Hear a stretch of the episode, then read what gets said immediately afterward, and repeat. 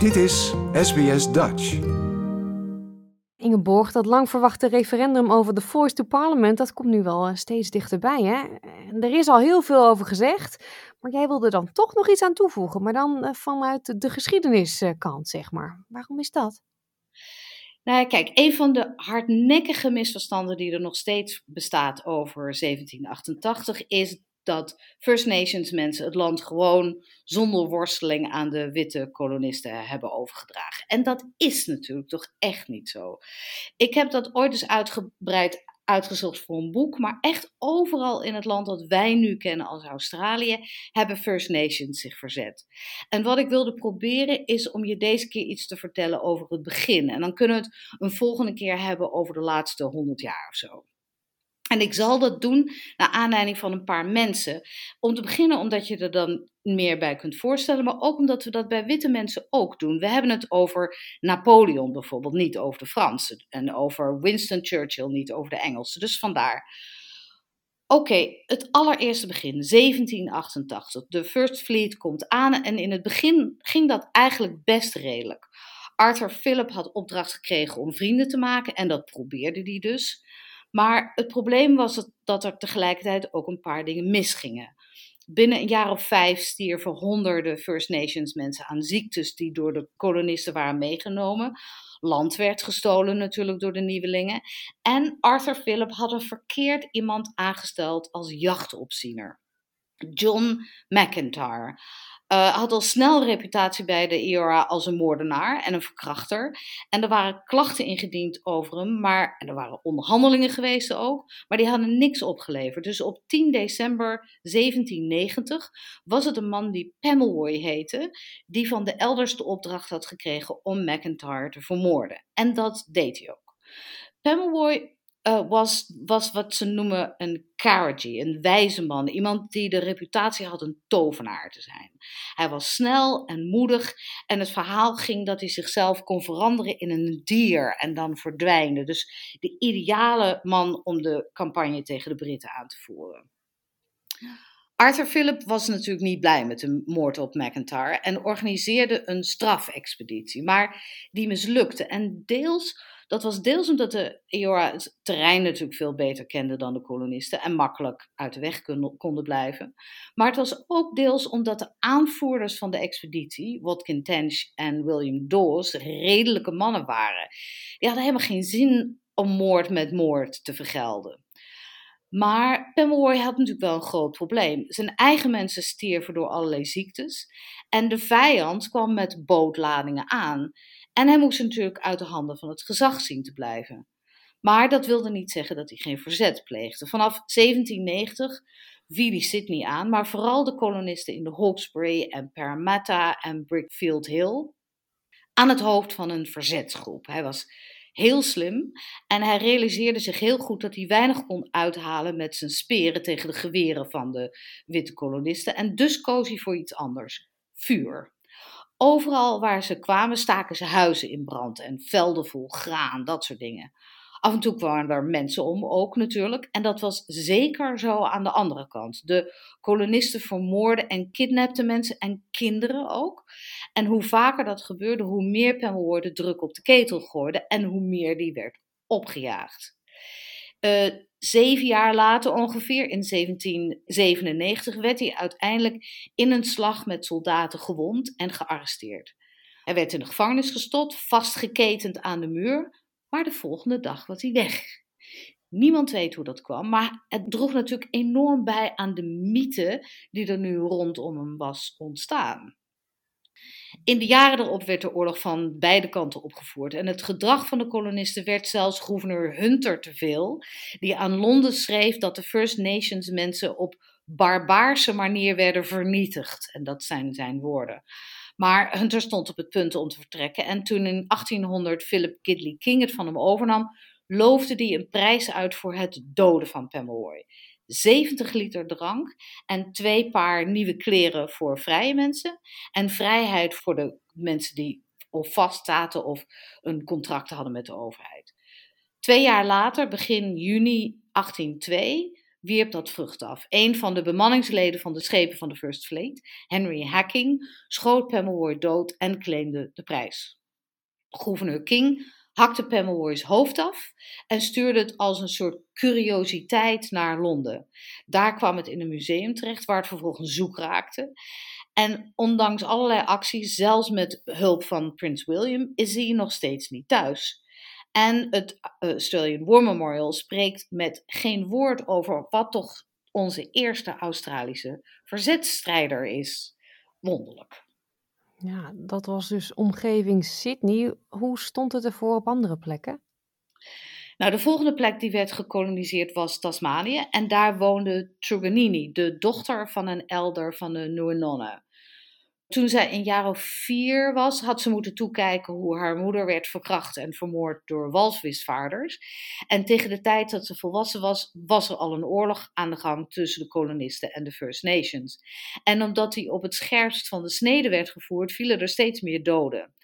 In 1824 kwam er een nieuwe gouverneur, George Arthur, die vond dat het maar eens klaar moest zijn. En net als zijn collega's in Sydney zette hij een prijs op het hoofd van First Nations mensen. Vijf pond voor volwassenen, twee voor kinderen.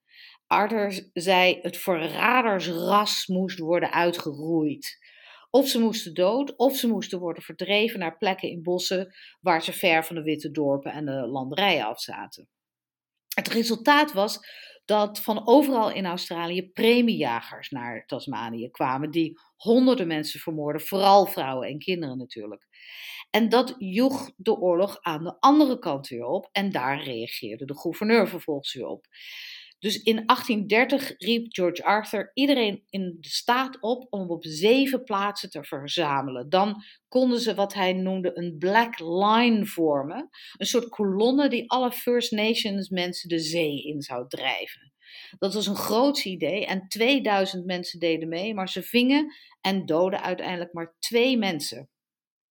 Toen dat niet lukte, kwam Arthur met iets anders. Hij vroeg om iemand die hem wilde helpen om de First Nations mensen te overtuigen dat ze voor hun eigen bestwil het beste het land konden verlaten. En al snel solliciteerde een man die George Augustus Robinson heette, een metselaar uit Londen, die in Hobart woonde met zijn groot gezin en dromen had over rijkdom en roem.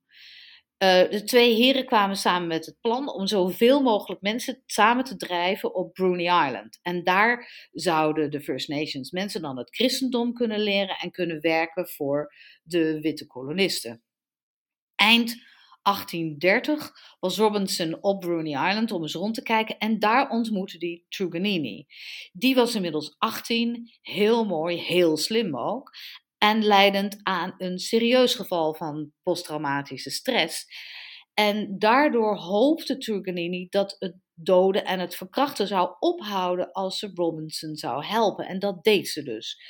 Vijf jaar lang reisden Truganini en Robinson Tasmanië rond. En aan het eind werden zo'n 400 mensen niet naar Brunei, maar naar Flinders Island gebracht. En daar stierf bijna iedereen heel snel.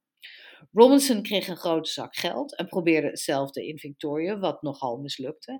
En Truganini stierf in 1876 na een bewogen leven waarin ze beschuldigd werd van allerlei kanten trouwens, dat ze zelf had bijgedragen aan het vermoorden van haar volk. Het onterecht vind ik trouwens, want soms pleeg je verzet niet met wapens, maar met verstand en met hoop Net als Pemmelwoy werd haar dode lichaam niet met rust gelaten. Haar huid werd gestript en begraven. Haar skelet werd tentoongesteld in het Tasmanian Museum. En daar stond het tot de jaren 50. Daarna moesten er, net als bij Pemmelwoy, opnieuw campagnes worden gevoerd om haar netjes te begraven. En dat lukte gedeeltelijk. Twintig jaar geleden werden er nog steeds stukjes huid en haar gevonden in de archieven van het Royal College of Surgeons in Oxford. Nou, wat een verhaal zeg. Ik wist wel dat het niet heel erg vrolijk zou worden natuurlijk. Um, ja, Tasmanië, welke staat volgt? Uh, zullen we het even kort over Western Australia hebben? Daar arriveerden kolonisten in uh, eh, 1829.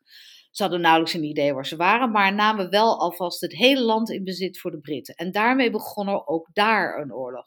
Want de Noongar, die rond de Swan River woonden, in wat wij nu als Perth kennen, vonden dat niet zo'n fijn idee natuurlijk. En binnen de kortste keren hadden ze geen land meer. En geen land betekende ook geen eten. De kolonisten begonnen ook al snel mensen om zeep te helpen en vrouwen te verkrachten. En de man die op dat moment de baas was, Frederick Irwin, vond dat heel goed. Hij had het zelfs over heilzame lessen. Uh, de eerste gouverneur, James Sterling, was het daar zeer mee eens. En dus zaten we ook hier al snel in een soort treurigmakende cirkel van geweld en tegengeweld. Jij doodde iemand, dan doodde ik iemand. En degene die Sterling verantwoordelijk hield, de Hemmelroy van Western Australia, was een man die Jagan heette, die met zijn broers en zijn vader, Mitchell de leiding had over het verzet. Ook hier werd een prijs op hun hoofd gezet en ook hier had dat resultaat. In 1832 werden Jagan en twee van zijn broers opgepakt. Maar toen gebeurde er iets interessants. De mannen stonden op het punt om ter plekke gelyncht te worden toen een Schotse kolonist de aandacht vroeg van de gemeente. Zijn naam was Robert Manley Lyon en hij begon een soort gloedvol betoog te houden. Als ze ze nu vermoorden, zei hij, dan hebben we al snel een totale oorlog aan onze broek met alle gevolgen van dien. We moeten ook begrijpen, zei Manley Lyon, dat ze gewoon hun land verdedigen zoals wij dat in hun geval ook zouden doen. Geef ze maar aan mij, zei hij, dan zal ik kijken of ik ze op andere gedachten kan brengen. Uiteindelijk ging Irwin overstag en verbande Jagan en zijn broers naar Carnac Island, waar ze een paar weken samen met Manly Lion zaten. Ze leerden veel van elkaar, maar uiteindelijk had Jagan er genoeg van, regelde een bootje en verdween met zijn mannen. Het jaar erop liep de oorlog op en in 1833 werd zijn vader, Ragoo, opgepakt en onmiddellijk geëxecuteerd. Manly Lyon probeerde het toen nog eens, maar nu werkte het niet meer. En datzelfde jaar werd Jagan vermoord. En ook zijn hoofd werd afgehakt en naar Engeland gestuurd. En daar reisde het jarenlang door het circuscircuit. De oorlog hield daar trouwens niet meer op. Nog jarenlang verzetten First Nations zich ondanks de slachtpartijen die onder Sterlings leiding regelmatig plaatsvonden. Nou, ik durf het bijna niet te vragen, maar uh, hoe ging het in Queensland? Uh, ja, nou ja, de eerste keer dat kolonisten echt iets blijvends opzetten in Queensland was in 1825, toen de Moreton Bay Penal Colony werd geopend. Vooral voor gevangenen was dat die zich elders niet wilden gedragen. Maar het verschil tussen Queensland en de rest van Australië was dat First Nations mensen hier in de meerderheid waren. En een deel van de kolonisten was iets minder landhongerig omdat het Duitse missionarissen waren. Hen ging het om zieltjes en minder om eigendom. En dat scheelde, maar dat betekende niet dat er geen schermutselingen plaatsvonden. En soms liep dat behoorlijk uit de hand. In februari 1842 bijvoorbeeld werden zo'n 50 First Nations mensen met opzet vergiftigd met bloem waar arsenicum doorheen zat. Dat kon natuurlijk niet onbestraft blijven en dat deed het ook niet. Het was het begin van een oorlog die in ieder geval zou duren tot 1855, toen de leider van de Queensland Rebellie, Dundalli, gevangen werd genomen en opgehangen. Dundalli was geboren in de Blackall Ranges, ten westen van wat nu de Sunshine Coast is.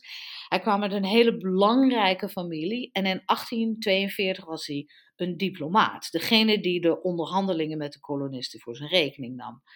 Maar na de vergiftiging werd er een beroep op hem gedaan, net als dat met Pomeroy gebeurd was, om de strijd aan te gaan met wapens. En dat gebeurde. Jarenlang was het een tit for tat, zoals de Australiërs dat zeggen. Drie van jou, twee van mij. En in 1846 gebeurde daarbij iets dat nog nooit eerder was gebeurd. Een witte vrouw overleed. Een zwangere witte vrouw. Alle kranten riepen op tot wraak. Slacht ze af, riepen ze tegen de overheid. En als je dat niet doet, dan doen wij het. Eerst leverde dat niet meer op dan er al aan de hand was. Alleen werd het nu vijf van jou en vijf van mij. En zo ging dat een paar jaar door. En dan Dali, die waarschijnlijk dacht daardoor dat dit nou de normale gang van zaken was, verloor daarbij even zijn eigen veiligheid uit het oog. En in mei 1854 kwam hij naar Brisbane voor een vergadering en daar werd hij gearresteerd en opgesloten. De rechter die hem moest vonnissen was Roger Terry. En dat zou een goed teken moeten zijn geweest, want Terry was ook de rechter geweest in de processen rond de Mile Creek moorden. Dat was een bloedbad geweest waar zo'n 30 vrouwen en kinderen over de kling waren gejaagd door 12 mannen in New South Wales. En dat was op zich helaas niks bijzonders. Maar door Roger Terry was het de eerste keer geweest dat witte mensen waren opgehangen omdat ze First Nations mensen hadden vermoord. Dus op zich had Dali geluk, zou je zeggen. Het probleem was alleen dat Terry First Nations mensen zag als ongeschoolde wilden, waar die ver boven stond. En zo gedroeg Dali zich tijdens dat proces helemaal niet. Om te beginnen was hij een grote man met een enorm charisma. En hij verdedigde zichzelf en bleef Terry constant van repliek dienen. En daar was Terry helemaal niet van gediend. Hij veroordeelde Dandeli voor twee moorden en in januari 1845 werd hij opgehangen.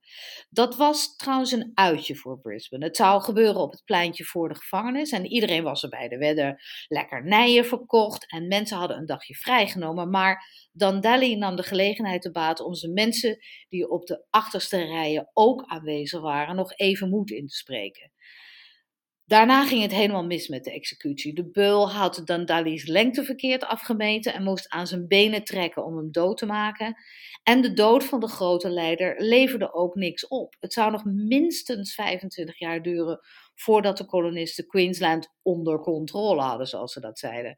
Maar wel ten koste van zo'n 60.000 doden aan de kant van de First Nations en 1500 aan de kant van de kolonisten.